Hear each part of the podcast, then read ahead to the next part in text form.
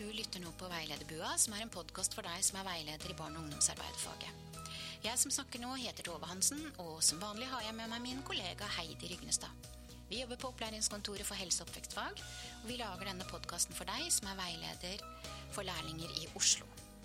Dagens tema er hvordan komme i gang med planleggingsskjema.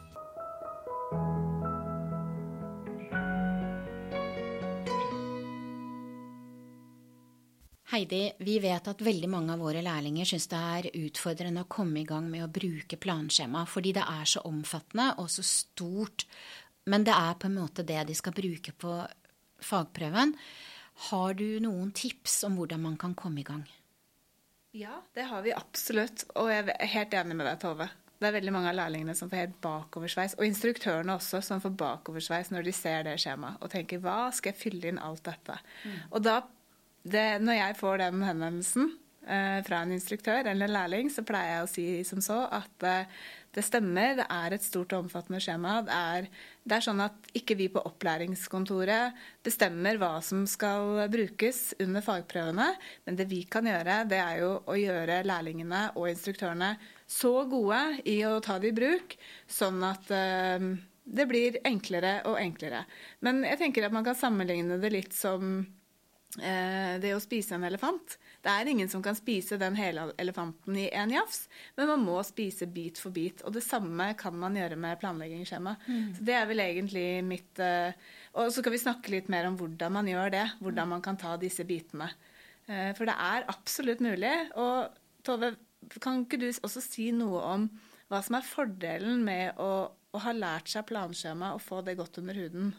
Jo, det kan jeg gjøre. Eh, nå er det jo sånn at eh, veldig sjelden så bruker man et så omfattende skjema i eh, hverdagen. Men eh, det som er veldig bra med å bruke dette skjemaet, er at man får, får eh, altså belyst alle områder eh, rundt den aktiviteten du skal ha. Du får vist hva du kan, fordi du må, må begrunne faglig hva du gjør, og du må tenke rammeforhold, HMS, eh, målet du skal bruke. Du må lage en helt konkret arbeidsplan. Og du skal på en måte bruke dette som et verktøy eh, til å, å, gjennomføre en aktivitet. Vet du hva jeg og, kaller det? Det man gjør når man tar i bruk det skjemaet? Nei. Jeg pleier å kalle det for å skru på barn- og ungdomsarbeiderhjernen. Og det jeg mener med det, er at eh, man gjør jo en aktivitet som man kanskje har gjort uh, uansett. Uh, men ved å ha tenkt på alle sidene ved aktiviteten gjennom å fylle ut dette skjemaet, så har man ivaretatt nettopp alle disse sidene du, du fortalte nå. Så det å, det å, ta for seg skjemaet og fylle ut alt, så har man på en måte potensielt sett for seg alt som kan alt som må planlegges, sånn at aktiviteten blir så vellykka som mulig, og det er begrunna faglig. Og det er det som eh, er så spesielt med barn- og ungdomsarbeideren. Den skal jo gjøre aktiviteter som har um, også et faglig innhold. Mm. Ja. Og det jeg tenker er den store forskjellen på det å være assistent eh, og det å være en barn- og ungdomsarbeider. Og det at den har en teoretisk eh, bakgrunn også som barn- og ungdomsarbeider, det tenker jeg er utrolig viktig. Eh, skjema som vi skal ta i bruk, så tenker jeg at hvis man deler det opp i de store bolkene Du skal jobbe med det å lage mål. Du skal jobbe med aktiviteten som du skal nå målet med. Og så skal du lage en arbeidsplan. Hvis man starter der, så, så, er det mye lettere å ta de andre punktene etter hvert. Så du sier at man ikke egentlig trenger å um, Man trenger ikke å fylle ut alle disse firkantene, alle boksene i skjemaet? Nei, ikke til å begynne med. For jeg tenker at det blir så voldsomt og omfattende at jeg tenker at det, det tar liksom piffen fra den lærlingen som skal gjøre det. Fordi, og da er jo litt av hensikten borte.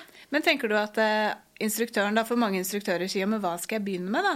Hvilke bokser skal eh, lærlingen min begynne å fylle ut? Mm. Uh, du, hva pleier du å svare da, hvis du får det spørsmålet? Jeg bruker å si uh, start med målet.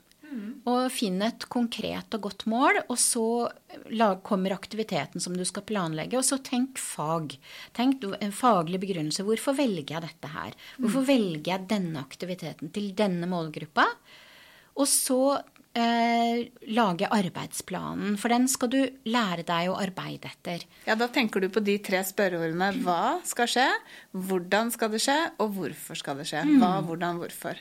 Ok, Så du tenker at en god start på å ta i bruk planleggingsskjema, det er å beskrive målet og, beskrive, og begrunne målet.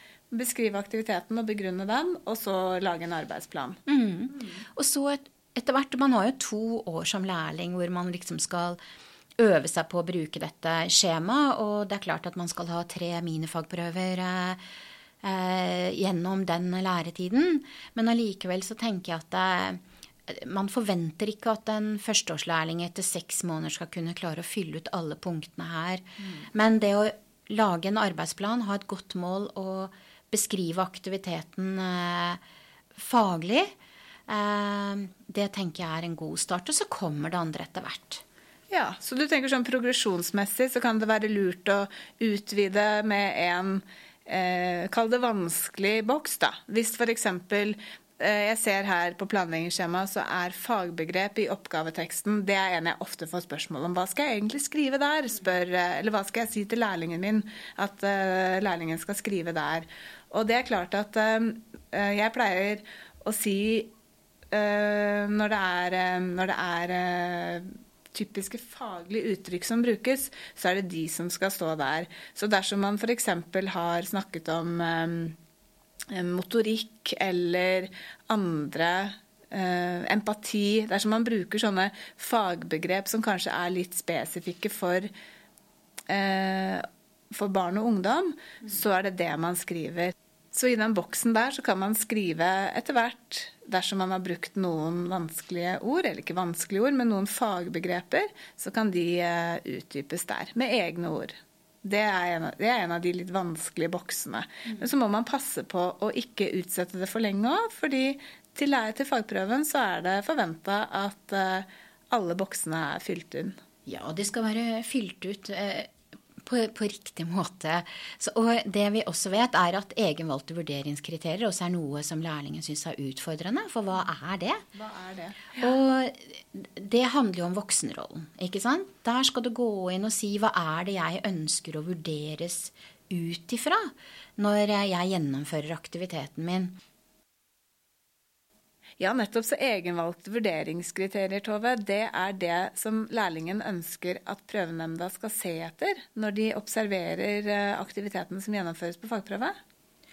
Ja, og jeg tenker også at det er sånn eh, Hvis du skal jobbe med Hvis det er språk du skal ha fokus på, da, så er det naturlig at eh, Klarer jeg å kommunisere med barna? Klarer jeg å gi gode beskjeder? Eh, klarer jeg å motivere barna? Mm. Hvordan, hvordan, eh, snakker jeg til barna? Så jeg tenker at det, det handler om voksenrollen eh, veldig mye. Og at eh, arbeidet er i tråd med målet. Så, så, så ja, det er, det er det som eller som lærlingen vil at prøvenemnda skal se etter. Mm. Som skal inn her. Så når, når, disse boksene i planleggingsskjemaet eh, fylles ut sakte, men sikkert, alle sammen, så vil man til slutt kunne ha tenkt på alle aspekter rundt, planne, rundt aktiviteten som man skal gjennomføre. Og man bør stille så forberedt som, eh, som mulig til, eh, til aktiviteten. Mm. Eh, men begynn i det små. Ikke spis hele elefanten med en gang. Men det kan jo være lurt å sikte seg litt inn på å fylle ut alle punktene kanskje til det gjenstår noen måneder av læretida, da, sånn at man får prøvd, prøvd, seg på å fylle ut hele skjemaet noen ganger før man kommer helt i mål. Men nå skulle denne episoden handle om å komme i gang og ikke, ikke sluttproduktet. Men allikevel øh, så ha, ha, et fokus på å starte i det små, øh, men husk også på progresjonen. Og selvfølgelig kontakt oss på opplæringskontoret dersom det er noe i planleggingsskjemaet som dere ikke skjønner været av, fordi det er, dere er ikke alene om det. Og vi, eh, vi, kjører jo selvfølgelig også workshops eller digitale samlinger for lærlingene våre, sånn at eh, de skal få en, eh, en mulighet til å øve seg og bli kjent med planleggingsskjema sammen med oss. Og det anbefaler vi alle lærlingene til å bli med på, fordi det vil ta deg trinnvis gjennom hvordan du skal fylle ut planskjemaet. Så det tenker jeg var det vi hadde å by på denne gangen, Heidi? Ja, Vi håper det har vært en støtte for hvordan man kan komme, komme i gang med planskjema. Mm. Og da overlater vi ordet videre til eh, våre kollegaer Gro Blomdal og Lise Ødmark, som skal gi dere noen veiledningstips i veiledningshjørnet.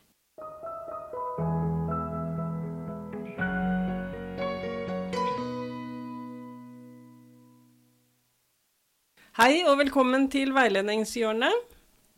Vi snakker mye om mål. Det gjør vi både her i hjørnet vårt, og det gjør man jo også eh, når man jobber med lærlinger.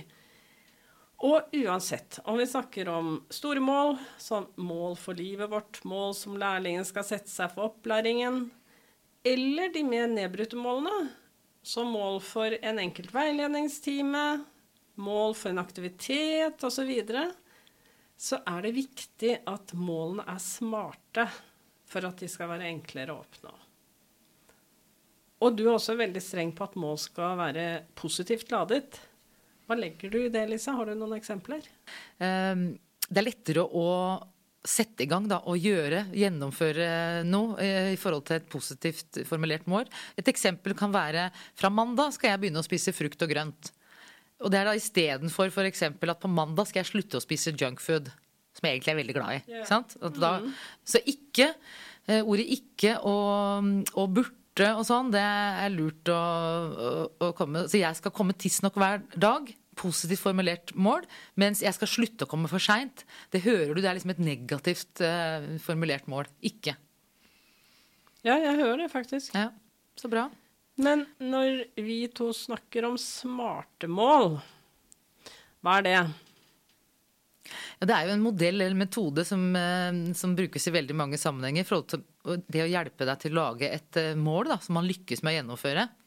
Så hver bokstav i ordet smart, eller smarte har det blitt etter hvert, det er et kjennetegn eller en egenskap, en egenskap som eh, målet må ha da, for at det skal være ja, funksjonelt. Fungere. Ja.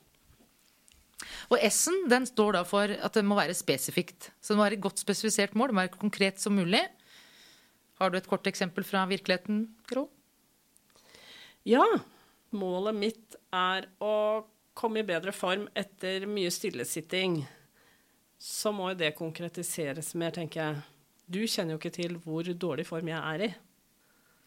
Nei, helt riktig. Og og uh, i tillegg til å være positivt formulert, da, uh, målet, så uh, i tillegg til at det er smarte, så bør de også være unngå såkalte flytord. Det var det jeg egentlig begynte å sni litt om i stad. Det med burte og sånn. Og du sier noe bedre. Det er et flytord. Flinkere. Jeg skal bli flinkere til. Jeg skal bli bedre til. Ja, bedre enn hva? Flinkere enn hva? Da må vi vite noe om, om hvor vi er, som du sier. Ja. Og burte, prøve er det verste. Mm da burde prøve noe. Da er det ikke sjans for at du kommer til å gjøre det. Jeg tar den. Skal vi gå til M-en? Da går vi til M-en. Det må være målbart. Det må altså være mulig å måle at uh, målet er uh, oppnådd. Eh, hvis vi tenker det målet jeg hadde om å komme i bedre form, så må jeg da definere litt mer hva det er.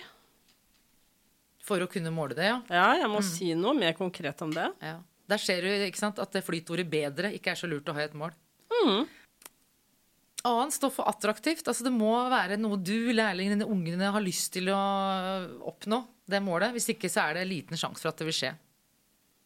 Vi har jo snakka om det at det må være positivt formulert. Eh, så A-en kan også egentlig stå for akseptabelt. Det må være akseptert av alle, alle involverte. Mm. Så jeg må tenke litt på hvor uh, viktig det er for meg. Er jeg villig til å bruke tid på dette til å komme i bedre form? Og hvor mye blod, svette og tårer er jeg villig til å ofre for dette målet? Mm. Og så er R-en, da. Da kommer jo den naturlig inn. Realistisk. Er det mulig å få til dette her innenfor, uh, innenfor de ressursene mm, du, dere har tilgjengelig? Det er liten vits i å ha flotte mål dersom det ikke er mulig å gjennomføre i praksis. Mm, så det, vil jeg bruke tid på dette, f.eks. Det er jo en ressurs. Uh, og skal jeg prøve meg alene eller melde meg på noe? Skal jeg betale i dyre dommer for et treningssenter osv.? Det er det som ligger i dette nå. Ja, for noen ganger så må man justere målet nettopp i forhold til det om det er realistisk. Jeg kjenner jo som sagt ikke formen din, men om målet ditt hadde blitt gjort mer konkret, da, til f.eks. å si jeg skal løpe maraton på under tre timer innen et år, hva hadde du sagt til det? Du, det Ja, det tror jeg ikke jeg skal si noe om her og nå, Lise. Nei, da, går te, da går vi til T-en. Det skal være, tid, det må være tidfesta. Når er det du skal ha oppnådd målet ditt? Når er det du skal ha øh, kommet i mål, da? Ja. Eh, Jeg ville kanskje tidfesta det i begge ender òg. Når skal jeg starte? I morgen eller neste uke? Neste år? Eller øh, Og så videre. Og så når skal jeg være i havn? Helt klart.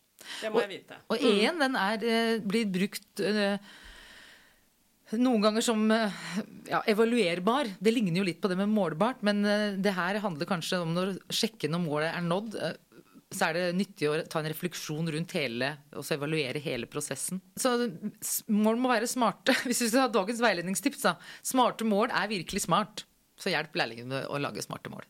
Husk at du finner støttemateriell til denne podkastepisoden i OLK. Og vi tar gjerne imot innspill og spørsmål til podden. Og de kan du rette til oss enten på Facebook, Instagram eller send oss en e-post eller ring konsulenten din.